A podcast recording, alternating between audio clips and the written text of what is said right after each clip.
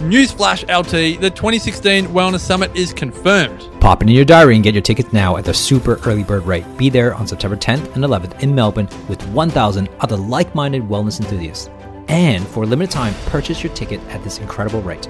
Up until Christmas Day, five Wellness Summit tickets are yours for the price of two. That's better than two for one. That's two and a half for one. Bring a leg, bring an arm, bring your wellness tribe for less than 120 bucks per ticket for a never seen before format of the summit.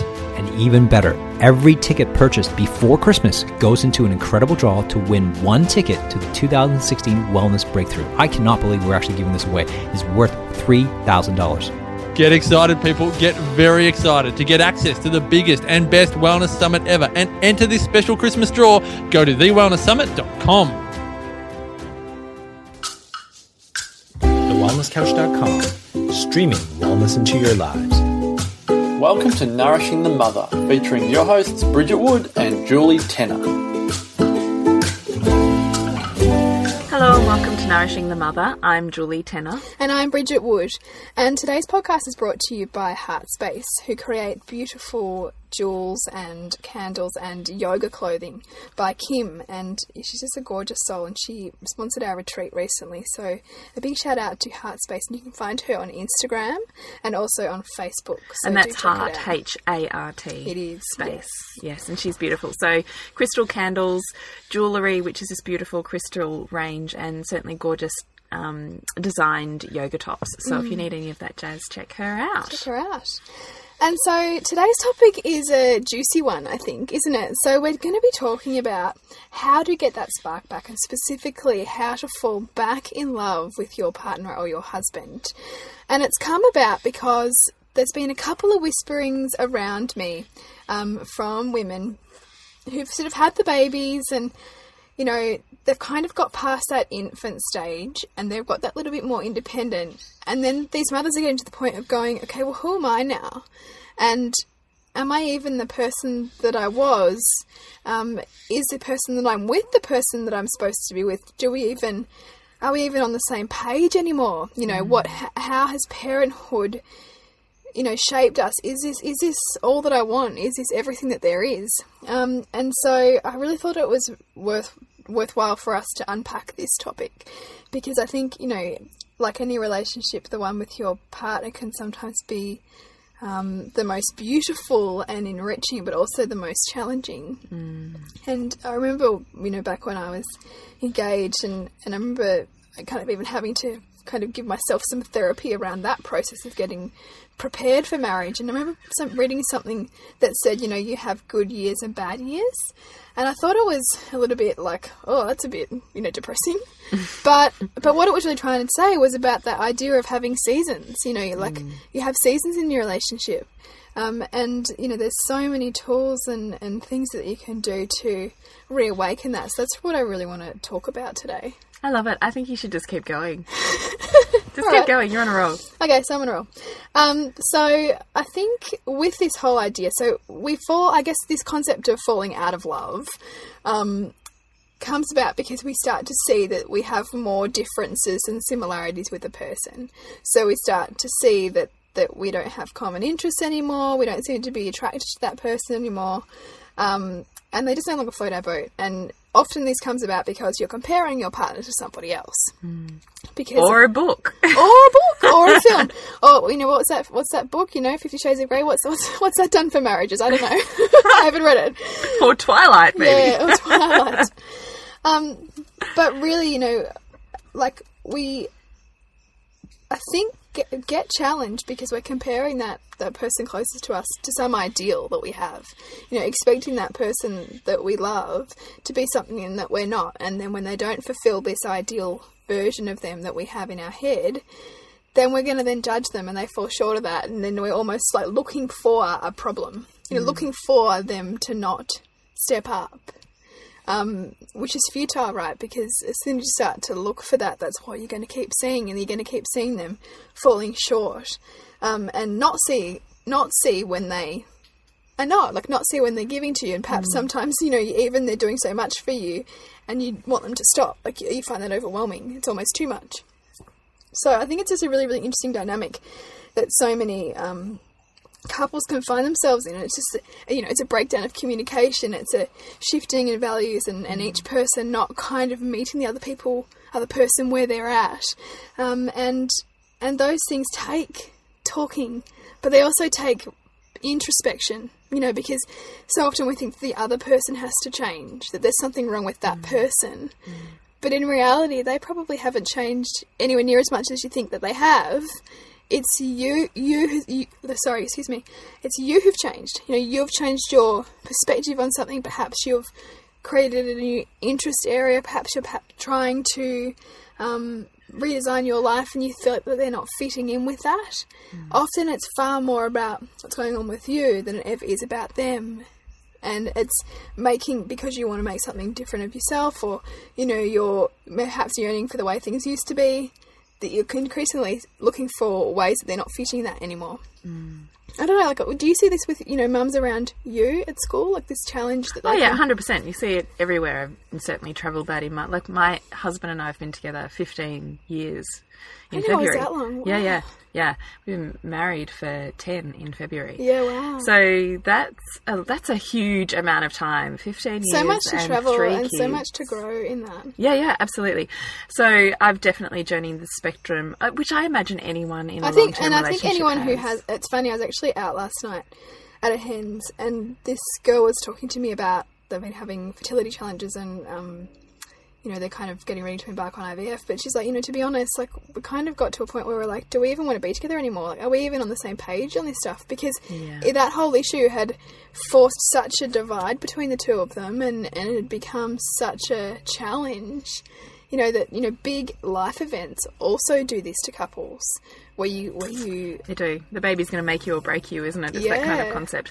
But I think it's beyond that. But I want to, I want you to keep going, and then I'm I'm going to have a, a, a crack at it at the end. So I want you to keep going. Oh, no, I'm I'm, liking I'm liking your universal law stuff. I'm I'm really liking that what you're saying is a lot of the shifts is what's happened internally for us that now we're looking through a different lens at our partners Yeah. as opposed to them having changed or not fitting in anymore. yeah i mean and there, there'll be a little bit of both in, inevitably and perhaps perhaps they are making a change perhaps you know your partner has undergone a big shift or they have a you know a new interest in an area that you can't stand. Perhaps they now want to ride motorbikes and hang out with bikers or i don't know whatever. And you know you're finding that that's really challenging and you're feeling like well who are you now? I don't feel like i know you. You want to go and do all this stuff but that's not me. Um, you know that could be something that's happening. Yep. but I guess it's also to continue to ask yourself, you know, you know what what's happening, what kind of obstacle, you know, what is the, this obstacle trying to teach me about myself? Like, what is this obstacle trying to teach me about my journey? Because you know, everything is is us is our perception, and, and what sort of what's happening for us is there's lessons in that for us, and so it's about how can we use it. It's not necessarily to stay when you're, um, you know, desperately unhappy, but un- unless you look at what button it's pushing for you, it's not going to make it go away. You know, It'll just come in a different It'll come in a form. different form, or you know, Yeah, you'll have another relationship, and the same kinds of dynamics will come up. Do you know what else I really liked is in our family dynamics podcast, the concept I really got from you in that was universally as a unit, mm. whether it's just a couple or it's a family, we're never lacking. So the things that like my husband, I think I might have said that my husband's in inverted commas laziness is what drives me crazy. So there could be a pile of dishes and a house that's trashed, but he just wants to lie on the couch and watch TV at the end of the day. Yeah, And I'll be sitting there going, Are you kidding me? but then I really got when you were saying is that, okay, but equally, there's two ways of looking at it, right? So, where are you lazy? Because Yes. it'll be in a completely different area of life Yeah. that you're obviously not recognizing or not owning because Mm. that's triggering the laziness label is triggering you. So, where are you not owning your Yeah. laziness? And conversely, on a universal level, is he has to be lazy for you to be productive and busy. Mm. That I couldn't be as productive and busy and whatever as I Mm. am were he not able to hold the opposite space, the Yeah. polar opposite for Yeah. me. Because we couldn't both consume the same amount of busy energy. It Mm. would never work. So for us to work so well, we have to counterbalance. almost. exactly. And it's fun. It's exactly right because I was talking to my mentor on this week the other day, and he was saying to me, you know. Does your husband want to do this next course or this course that you've done? And I said, oh no, he's not interested at all. It's like, oh, that's great because then you can, you know, because because it's a, it's an energy thing. It's an energy thing within the family. You know, if one person is diving in and learning constantly and wanting to kind of deepen their knowledge in a certain area, the other person generally unconsciously steps up to, to kind of fill the void that you might be creating in terms of going off and doing that. Mm. You know, so yes, you do have some superpower couples who are highly ambitious, but but invariably they might then have help, like hired help to take care of some of the other stuff.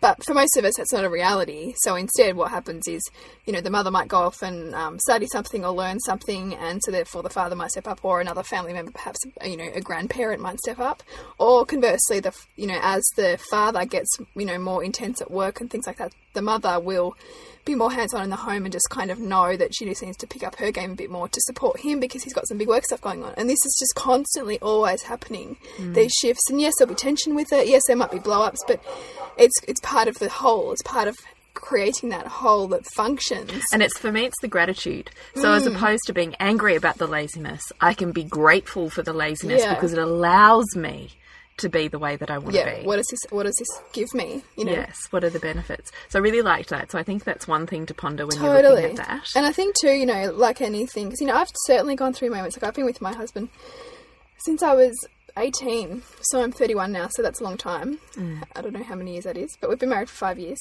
And like, there's been totally like seasons where I've gone, what am I doing? You know, like, is this what I want? Like, you know, and like I think anyone has anyone will say that they've had that same experience, and I highly doubt that they haven't because it's what happens in order to grow, um, and particularly to grow with someone through, you know, your twenties, which is you know a really big part of your life. Um, there's going to be that you know that those difficult times where you mm. start to question who you are and you know where you're supposed to go and can you grow together and like I'm so enormously grateful that that he is who he is and I am who I am and that we've grown together like we have. But you know, the biggest thing that, that I keep coming back to and what I'm studying in the work that I do is that the power of seeing of being grateful for who that person is and what they give you in their life. Mm. Because so because that we talk about all the time, but that that's the number one healer. And when you're in judgment or when you're resentful or when you're in any of those negative states, you're not grateful. You don't actually have the capacity to have a grateful heart. And we have we have so much to be grateful for. And even people who we think are awful or we have a massive judgment on, they still do things that we can be grateful for. You know, mm. they still offer things to us, even if they might, you know, give us challenges that we don't want. They still offer us something to help us to grow, and that's something to be grateful for. And, you know, same thing with partners. Um, you know, sometimes the partner who can be really difficult and perhaps not support you like you think he should helps you to fire up and stand on your own two feet and you know get more independence. Mm. you know to not be dependent on that person because you know you get too much support in a relationship and then you know it's like that whole it stops the growth. It does the, it's the fine line between support and challenge it is. It's like it's like that um you know you hear of people who like let themselves go you know in marriage you know and they just can't you just kind of drop your bundle and you get comfortable and and that can, that's just that's like a metaphor for what can happen if the other person's constantly supporting you. Yeah. You know, you don't go and learn that thing that you really wanted to learn, or you don't, you know, push yourself to, you know, get that promotion, or you don't really make a huge effort to stand up for your kids at school because it's what you know is right.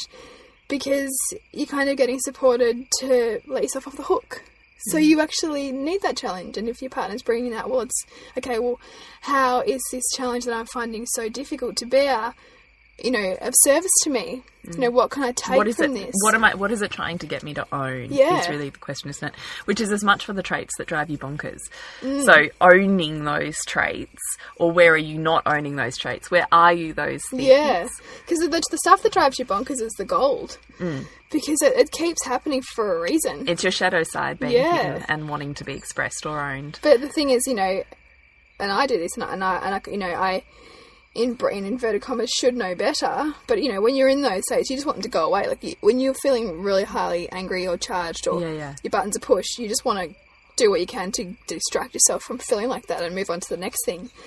But we all know that will just keep coming back, and someone else will push it. So when you can clear it, or when you can see what it is, like see the gold in it, um, it's it's really great. But in terms of the relationship thing, and in terms of how to fall back in love, it's it's about what is this what is this person giving me? What is this person um, showing to me about myself? What do they bring to my life? What do they give to our children? How do they help me be more of myself? Um, you know, what what are they what, what's their bright light? You know, like often we will judge other people or judge our partners as you know, like not being good enough or not being smart enough or not being handsome enough or you know whatever it is, not not enough. The, the, the not enough spectrum that we all have. But that's just a, a judgment based on our own value system. You know, for a long time I used to like judge my husband for like liking certain cars and they drove me nuts and I hated it. And you know, and I just used to think it was these were these like bogan cars. Like who, who even cares about these things? But that was just but that but that's not fair, right? Like because that's me trying to make him something. He's not like me trying to ask him to not like something that he loves. Mm. And that's like that's just mean but I could, but I could see that it was just my stuff. It was totally my stuff, and I and I had to hang up on it, and that was just You had to hang up on being a bogan. yeah, I had to hang up on being a bogan. I really did. And he pushed that bogan button for me his. Did you own your inner bogan? I owned my inner bogan. I actually read a book at one stage called The Bogan Delusion, and didn't help me like bogans any less. But um, or, sorry, anymore. But um, but it was funny because it was totally like my thing, and my husband, and he's not he's not a really a bogan at all. It was just his car thing. Of nineteen. oh, come on, we're all a bit of a bogan. Well, we are, aren't we? We're all, we're all, we are all a bit of a bogan. But it was funny, like, he picked me up on it sometimes with how judgy I used to get on different things. It was just my bogan phase I had to go through, the own, the, own the inner bogan. But, you know, they'll push your buttons, right? And that was a button that he was pushing for me. And I was trying to, you know, like, as soon as you try and make someone into something that they're not, it would just disappoint you to no end. And Yeah. you know, you di- you dim their you dim their light. You dim your own and you dim theirs by doing that. That's really And- true, actually. you dim both, it's never just one, is it? Yeah, because you know you start to create, even if you're not aware of it, you're creating an inner resentment towards yourself by trying to project yourself onto somebody else in that way and expect them to live outside of who they are. Hmm. Because they just want to be loved and appreciated for who they are. We that's that's all we all want. And you know, you sell you sell yourself short and you sell them short when you try to ask them to be anything but. Okay, so we're going to try and take this energy down a bit. We just had a break 'cause I said to Bridget, I'm feeling too flighty and we're trying to be, I'm trying to be intimate here and it's, I'm not feeling it. So I've just gone on a candle and we're shifting the energy and doing a different breath. It's very beautiful. And Bridget just said to me, Is this challenging? And I was like, Well, no. And then I thought, No, this is a challenging topic, right? Because it's mm. so vast, this topic, and there's so much. Ah, there's so much depth, and if I really sit and think about this topic, I just feel like there's more and more stories and more and more layers, and you could honestly, you could talk about it till the cows come home, really. Yeah. So I kind of think I just want to take it a little bit. We've kind of done touched on a little bit of universal laws and um, shadow work, which you could look back on our previous podcasts for more information on that. So let's take it a little bit more practically and a little bit deeper. And there's two ways I want to go with it, I think. One is for me, when I think about how do I fall back in love with my husband, it's entirely different to just loving him. Mm. So I can say over 15 years that we've been together, I have always loved him, mm. but I have not always been in love with him. Gold. yeah, that's exactly right. Because that feeling of being in love is desirous. I, mm. I I long for him. I want him near me and next to me. I want him to touch me. I want to touch and kiss him. Mm. I want to spend time with him. Whereas when I'm out of love with him but still loving him, mm. we just kind of function. And I don't really want him in my space and I don't really want to be intimate. And, you know, take it or leave it, I'd probably rather hang with my girlfriends. Mm. Probably is pissing me off a bit too. Yeah. So, how do you get back in love with your husband? I really get those stories. I've heard so many of those stories of I've had kids and I'm a different woman, or mm. I've gone through these deep life processes and, and epiphany moments. And this is where I'm headed, and I, I just, he's not there. He's not that mm. man for me. And what am I going to do with that? Because I thought this was the path that I had planned, mm. right? Or I have terrifying. kids with him Right? Like, terrifying. It is hmm. genuinely terrifying. The the prospect of my future could be something entirely different is, is hmm. genuinely terrifying. It's earth shattering. Hmm. But I think we go through these. I really loved your seasons comment. I love that word because I think we go through these seasons of change as the shake up. It's like the you know the sand timer or whatever it's almost like the sand has to you have to have something groundbreaking to create the sand and the dust to whirl around you to figure out where it's going to resettle and reform that that mm. landscape and those foundations. Because you can't ever stay on the same trajectory. You're always going to be shifting and changing and, and on this continuum of a dance together. Mm. And it's about how you approach yourself and your relationship through that sandstorm that I think makes the difference at the other end about mm. whether you're in love or you're just love. Do you know what I mean? Yeah, I really do. And I I have said it every time one of my friends has gotten married, I've, you know, written something what I feel is profound to them that I could be brought to tears of gratitude, but I don't know if they ever really get it. But this is what I can say to you is that after 15 years of being with the same man, I am more in lust and in love with him than what I ever thought was possible 15 years ago. Like when I think about, oh, you know, being in my early 20s and thinking what the height of feminine power and orgasm and, you know, lust was, it pales in significance to what I now know that to be. Mm. And that is the experience of making and breaking and falling out and in of love mm. over 15 years with the same person. So I genuinely think, what do I even want to say here? I want to say there's two ways to look at this.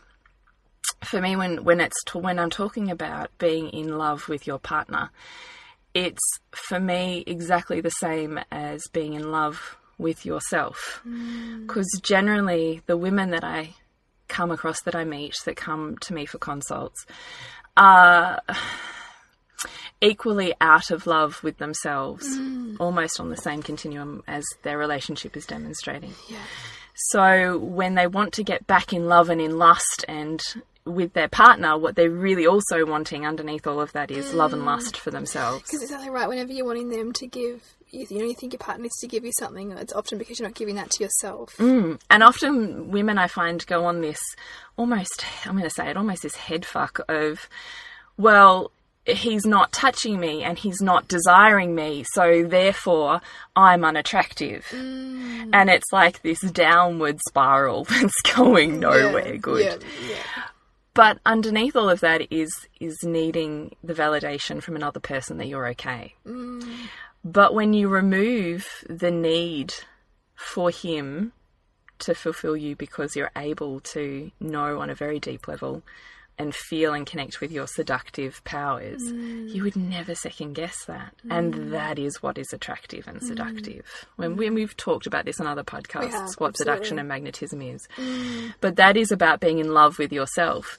That it is not about being the most beautiful. It is not about having the best underwear, the best clothes, the best body, having no flabby bits or whatever. Because let me tell you, three kids down the track, my body is not a not a thing of what it was 15 years ago. But uh, that has absolutely no correlation Yeah. for how orgasmic my life is Yeah.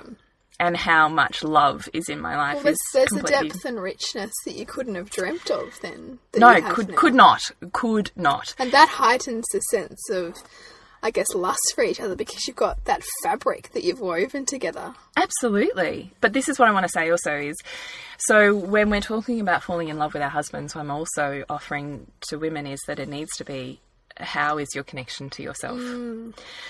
So often before you even look at how do you strengthen your connection with your partner is how do you strengthen your connection with yourself?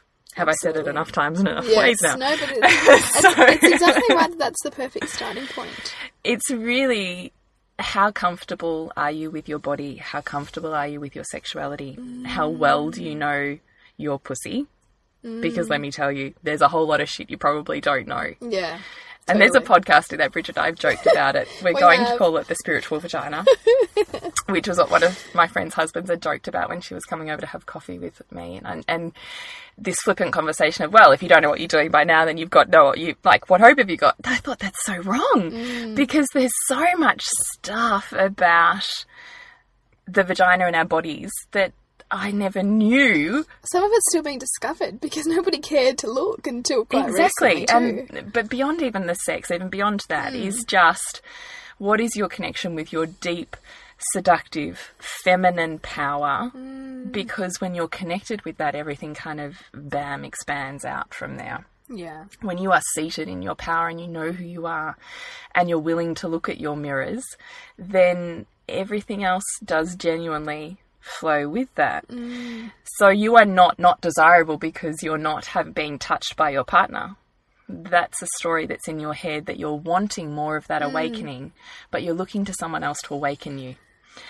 But it's never someone can never awaken you. You've got to awaken yourself. But you know, you can certainly be um, forgiven for thinking that because you know that's how we're socialized. It's it's it's never about looking within first. It's always about looking outside. Sure. You know, like if you think about every magazine that we ever read growing up, every movie that we've ever watched, it's always about you know you being saved or desired or s- validated by somebody else. It's it's very rarely about first starting within.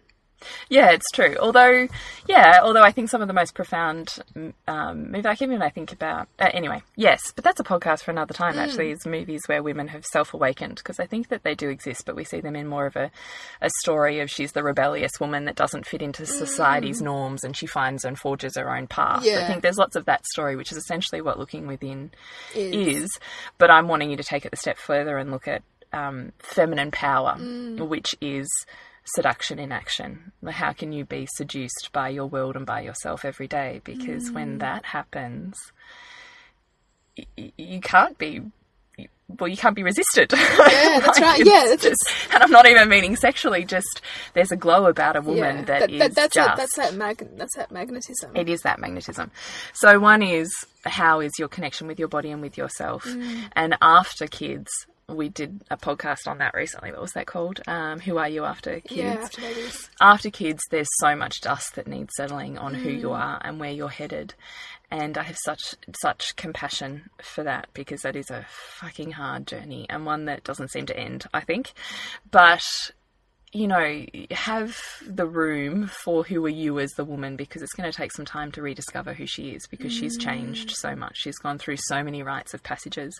Her body's changed. Her connection to her body's changed. There might be trauma that's sitting there that needs addressing. Like, there's a mm. lot of layers of stuff mm. sitting there before you even get to the point of sharing that with another on a really deep, safe. Because it's enormous vulnerability. You know, you've, you've first got to own it within yourself and see, or first of all see it Mm. before you can begin to own it. Before you can then be vulnerable enough to share it. Often, Mm, 100%. particularly with a you know partner who, you know, I think sometimes a lot of women, and I've had after this year before, Jules. Sometimes I find it easy to talk about some of this really deep stuff with my girlfriends more than I do with my husband, just because I have this sense, and this is my stuff, right? That they can hold the space for some of this stuff better than he can. Hmm. You know, so there's often an enormous vulnerability that's underlying going there hmm. because there is so much that you've built together and that you're connected by and you, there's a depth of love that you know if we were to see the depth of love that's right there with with our partners it would almost bring us to tears because it's so profound. Mm. You know it can't not be for us to have weaved these lives together and created families and created dreams and brought them into reality. That that that has to be there in some form even if it if for some couples even if it is covered in cobwebs and you know shit Mm. it's there it's just getting to the gold Yeah, you've got to dig it away a little sometimes, mm. don't you? Mm. So there's that, and then I think the other facet is um, how do you actually physically start the process of getting back in love with your husband? And I will never forget, I was studying naturopathy, and I had this lecturer. At one stage, he said to this classroom, and it's stuck in my head, right? What is the key to a successful marriage? You know, we're all throwing out stuff sex, money, da da da da da da. And at the end of it, she said, nah, none of those things. It's time. Mm. And I stuck in my head, and I thought, you are so right. And I have said to clients over the years if you are choosing to clean the house over spending time with your husband because that's all the time you've got, mm. it is worth paying someone to clean the house mm. yeah because the key to growing together is spending time, Time together. together. The key to feeling seductive, sexy, and loved up is spending time together. Mm. So, the path to an intimate relationship is a lot to do with how much time, Mm. downtime, do you spend with them. Now, that can be child free or it can include kids, Yeah. but it's not housework at home. It's playing a board game at home with everybody. Mm. It's going outside for a walk to the park. It's taking the dog for a bike ride. It's mm. going to the movies. It's it's a loved up enjoyment time. It's not uh, functioning time. Yeah, it's just, just it's not going through the motions kind of time. No. It's actually intentional activity of because spending time exactly together. because when you see your partner interacting with your kids interacting with you joking or whatever you get these flicks of who they used to be you get these mm. sparks of oh that oh there you are It's like when you that's go. what I love about it's you like when you go out with your husband yes and you see them around other people. yeah yeah you know, you it's start like, to see them oh, through their lens yeah Yeah. It's just that, Totally. those kind of it's just those little things you need to do sometimes just to reignite that spark and just remind yourself. Yes. So it's time. And Mm. we joke about this. We throw out date night, right? Like it's a cosmic joke these days. Yeah, yeah. But it's genuinely necessary to sustain a really great relationship. Yeah. Now, um, I don't have babysitting on tap, like I think is probably more common these days than not. But my husband and I started a ritual of a, um, we call it a carpet picnic. So once the kids are in bed, and we generally put them to bed early on those nights, we set up our lounge and we lay it with, you know, layers and layers and layers of pillows and doonas and blankets. And we set up candles, more candles than you need. And we sit and have antipasto and wine on the floor with no TV or anything on. Um, although sometimes we might watch a movie if we feel like cuddling on the floor and watching a movie, but it's it's doesn't have to be date night, Yeah. you know, without with needing babysitting and you know not having the kids. So time, I think. Second is um, uh, communication, which you touched on. Yeah. So the ability to actually say the stuff that you don't want to say, that's a little bit yucky, but being able to say it in a way that is productive, in a way that speaks about your vulnerability as opposed to coming out of defensiveness or wounding. I'm going to get you first before you even have a chance to get me. And in a way that's respectful, you know, language. Yes. Mm. Um, so I would really recommend that you seek. I mean, look, we could do that on another podcast, but I recommend that you seek help and guidance for communication if that's really a big issue for you. Mm. I always start with an I statement. So I'm feeling really da da da da da when you da da da da, mm. and this is really what I I would like. Mm. So it's about talking, naming your emotion. So when this is happening, I'm feeling, mm. and be careful about what the emotion is, that it's really a true hit the nail on the head emotion. And then the vulnerability comes afterwards. So not only stating how that's feeling and what a cause and effect that is, but what is it that you actually really want? Because that's the kicker is most likely that person doesn't have those skill set. Mm. They don't know exactly that when you're raging and hurt and you slam the door and you tell them to fuck off and you don't want anything to do with them anymore, that what you really want is for them to chase after you, grab you, and hold you. Mm. Because your actions aren't demonstrating that unless you tell them that's what you want. They don't actually know. Mm. And we expect them to be mind readers. We expect them to be mind readers. So there's point number two. The greatest lesson I ever got was years, I think, after the birth of my. It must have been after my second. My husband and I went for um, a, like a marriage checkup. We did a six week thing with a psychiatrist. And one of the best tips I ever got from her was speaking my brain. So my husband would say or do something, and my brain's already gone. And I've already done these circuits of a thousand different things that that now means, and conversations and outcomes and possibilities. And five seconds later, I've already decided that he's an asshole and this whole thing's fucked. And, you know, I'm undesirable and useless or whatever. Yeah, you yeah. know, I had already done a thousand different layers of head processing, mm. and he's still on the fact that he didn't want to go for a walk. I don't know, whatever the Yeah, thing was, yeah, you know. yeah. And in his mind, it's genuinely what it is. But in my mind, because of my programming and my past and being female, I had already done a complete head trip. so the interesting thing for me was to get a reality check. I had to speak my mm. brain. Mm-hmm. So in that moment, instead of going off in my head because I'm too scared about being vulnerable to speak what's really underlying that I'm unworthy or I'm unattractive underneath all of those da- da- da- thought processes, mm. is say, okay, well, so Nick would say something, and then I would go, okay, well now I'm thinking da da da da da. And honestly, I could now turn around and laugh at some of those facial expressions he would give me, like, what? like, just had no, he had no concept mm. whatsoever about where I'd gone or what I thought what he said or did meant none. Like, talk about reading between the lines. Yeah. He was on a entirely different path to what I, my, I had already decided it was on. And it was the best tool I ever got. Fuck, it was hard because at the start, speaking my vulnerability and what my head was doing and how I felt was incredibly difficult. But the more I did it, the easier it got. And the less I did it, because I realized very quickly that it wasn't reality. Yeah, that it was just your, you know, projection. It was my projection. yeah. And so even like it's pretty rare now that that happens because it's amazing how much that's with all the other work we've done, of course, but it's Yeah. amazing how much just that tool alone has, um, I don't know what the word is, but balanced out my Mm. programming from my childhood and adolescence. It just my brain just doesn't do that anymore. there.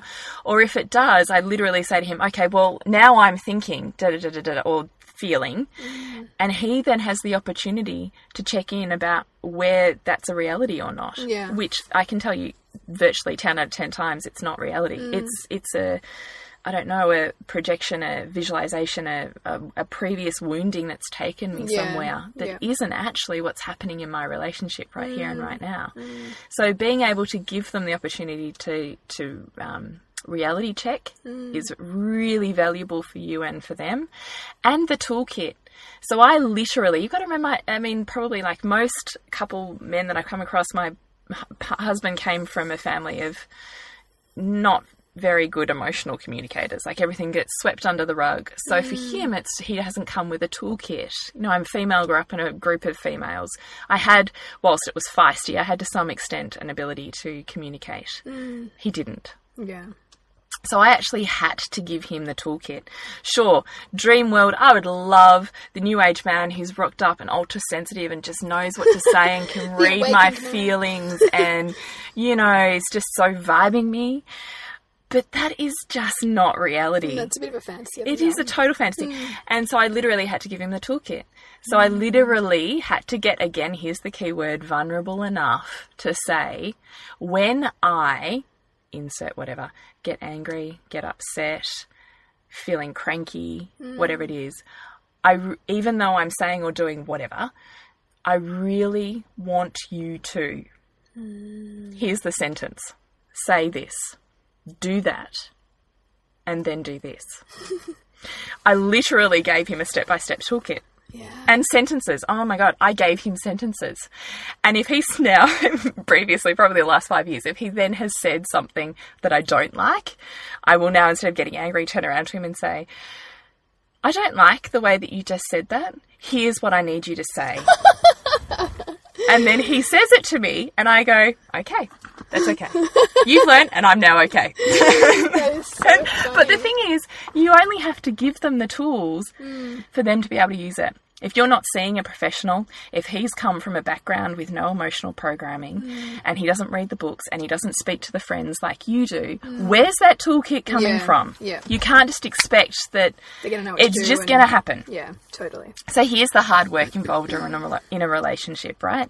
Is there's a huge amount of vulnerability involved in getting real about what's going on, workshopping how to move forwards, and feeling like that's validating and secure enough because it might feel awkward when you start to do it. Mm. But let me tell you, a year down the track, it's going to be fucking amazing. For, I can't even. I'm having sorry. I'm having all these epiphany moments in my head when I just think about something's happened and Nick says or does something now, and it's almost like a, I can hear a gasp almost with the mums at school, and they go, "Oh my god, my husband would never say that or do that." And I think, well, you know what? I've programmed that because ten years ago he wouldn't have either. You know, But I mean, he's becoming more skilled about reading your emotions and reading, you Hundred know, percent. That's what it is. Hundred percent. And in fact, there was an incident. I can't even think what it was now. Several weeks ago, and I did have a whirlwind spin off emotional moment, which is now fairly rare for me, but totally had one. And I totally knew I was having a tantrum. Totally, I think I might have even said to you, totally knew I was having a tantrum and didn't want to stop myself, so I yeah, just kept going with it. I was enjoying it. And previously, he probably would have just gone, oh, da, da, and fired up, and it would not have gone well he grabbed me in a bear hug and just held on to me and I'm, you know, fighting a little bit and da da da and then all of a sudden said a few words, a few sentences and I just melted. And then he said something else and I just looked at him and I went, "Ah, you just handled me. Like a hundred percent so beautiful. read the situation, had the toolkit, employed it, and it utterly shifted me. Like utterly shifted me. And it was such an epiphany moment for me where I was like, "Oh my god, I've I've dreamt of this seductive man who just knows how to handle me my whole life." And guess what? Here he is. It's That's taken beautiful. years of training mm. and years of vulnerability, but here he is. Mm. But the thing is, they don't just land that way. Mm. You know? So I want to say, have faith, be vulnerable, keep going. and, you know, and on that theme of comparison that I mentioned earlier on, I think too we you know when we compare not only who they are with some with somebody who we think they should be, it's also the way that they show love. Because I don't know if you're familiar with you know that, mm. that five love languages kind of yeah, whole yeah, yeah, idea. yeah.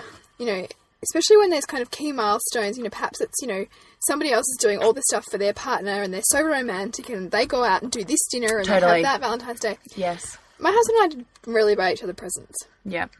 He is a he is he shows his love through service Acts of service. you know, and and I'm so used to it now that I often take it for granted.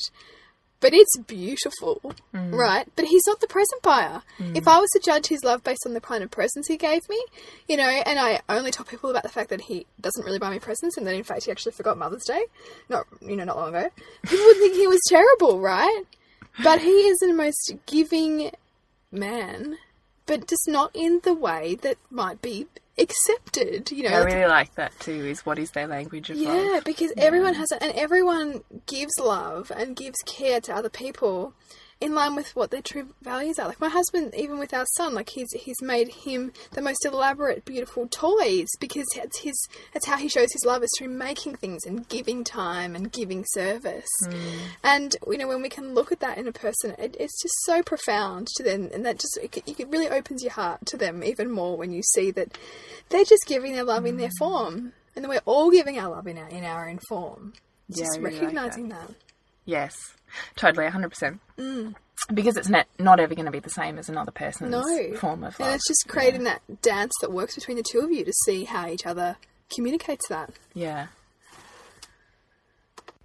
So the only other bit I think that's left, and we're not going to do it much justice now, we're already over time, but is intimacy. And it got me thinking about when I was training with Rhea Dempsey as a doula, she did this sex after parenthood hmm. course that I sat in on a couple of times.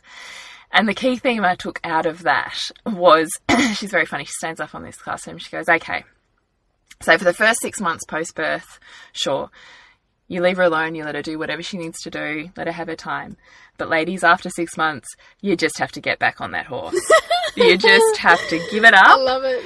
and just do it, even if you're not feeling it. Because the thing is, with men, the longer they go without it, the more they want it. Mm. The longer women go without it, the less they want it. Mm. Theoretically, is how Yeah, that's yeah. programmed.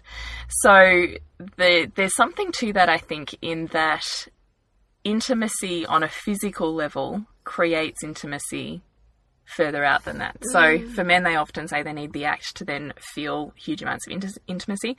Women need intimacy before they need to do the act. Yeah. So it's, I even have a couple of friends uh, who have even worked that out. So, okay, you want sex, I need this. So you need to tell me in the morning. You need to somehow let there's a conversation, a touch, uh, you know, how about later tonight so that it's on my head zone so that I've got a little bit of my seductress hat on, not just mother hat on. And when you walk in the door, I then need an hour child free time and I need to have a shower and I need to da da da. So, sh- you know, I've heard some Set- women set even map it out Yeah. in terms of what they need to get into their seductress because you can't mm. often just go mum seductress. There often needs to be a series of steps in between. So working out what that is for you is really mm. worthwhile.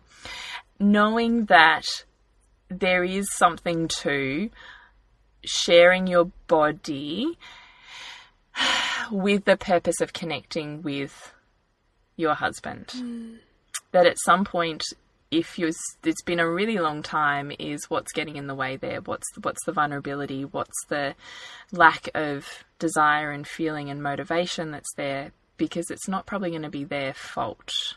It's probably going to be a dynamic and some really deep vulnerabilities and fears that once aired, supported, and time spent together on those will create such a huge shift that you will want to be part of that act. Mm. But sometimes, like Rhea says, sometimes you've just got to get back on the horse, break Yeah. the drought, Yeah. to start your body awakening and opening to that process again mm. and doing things for yourself. Buying new underwear instead of wearing your maternity bras for three years. you know, um, putting on a dress that you really like, the act of adornment, right? We've talked about that in another podcast too. Uh, maybe it's a particular body cream for you. Maybe it's, um, you know, a mantra. Maybe it's just saying to your husband, I need you to touch me more, or I need you to say that I'm beautiful every day, or, you know, just the things you actually really need, you need to speak so that you are in a space for love expansion rather than contraction. Yeah, that's beautiful. I love all that. There's totally a whole podcast on that stuff. Yeah, well, I totally want to start going there actually. But anyway, so I really hope that whilst we've sort of briefly skipped through a few things, that there's some points that have really hit home for you. And if there is anything that you really want us to expand on or you want to know more about, please private message us or put it on the Facebook page or anything along those lines so that we can uh, best tailor our podcast for your lifestyle. Please share any of our podcasts with your friends or tribe if they're really calling to you. You can visit us on Facebook at Nourishing the Mother and Instagram. You can see Bridget at suburbansandcastles.com and your January movie is. Yes, it's called Awake, so it's all about the introduction of yoga to the West, and it's going to be a great event. We've got a yoga class beforehand, and we've got some delicious food, and it's going to be great to kick off to our year of events. Delicious. Yes. And what about you? Yes, you can connect with me at thepleasurenutritionist.com and dot com on Facebook, the web, and uh, Instagram. And we have our next retreat coming up in March, March Fifth and 5th and 6th. So if you would really like an opportunity to spend some one on one with us, expand what's happening in your life, and look at where you can create some really big shifts, then this is two afternoons really not to miss. And we'll see you next week when we continue to peel back the layers on your mothering journey. This has been a production of TheWellnessCouch.com. Check us out on Facebook and join in the conversation on Facebook.com forward slash The Wellness Couch. Subscribe to each show on iTunes and check us out on Twitter. The Wellness Couch, streaming wellness into your lives. Whilst the Wellness Couch presenter endeavor to provide accurate and helpful information to their listeners, these podcasts cannot take into account individual circumstances and are not intended to be a substitute for health and medical advice from a qualified health professional. You should always seek the advice of a qualified health professional before acting on any of the information provided by any of the Wellness Couch podcasts.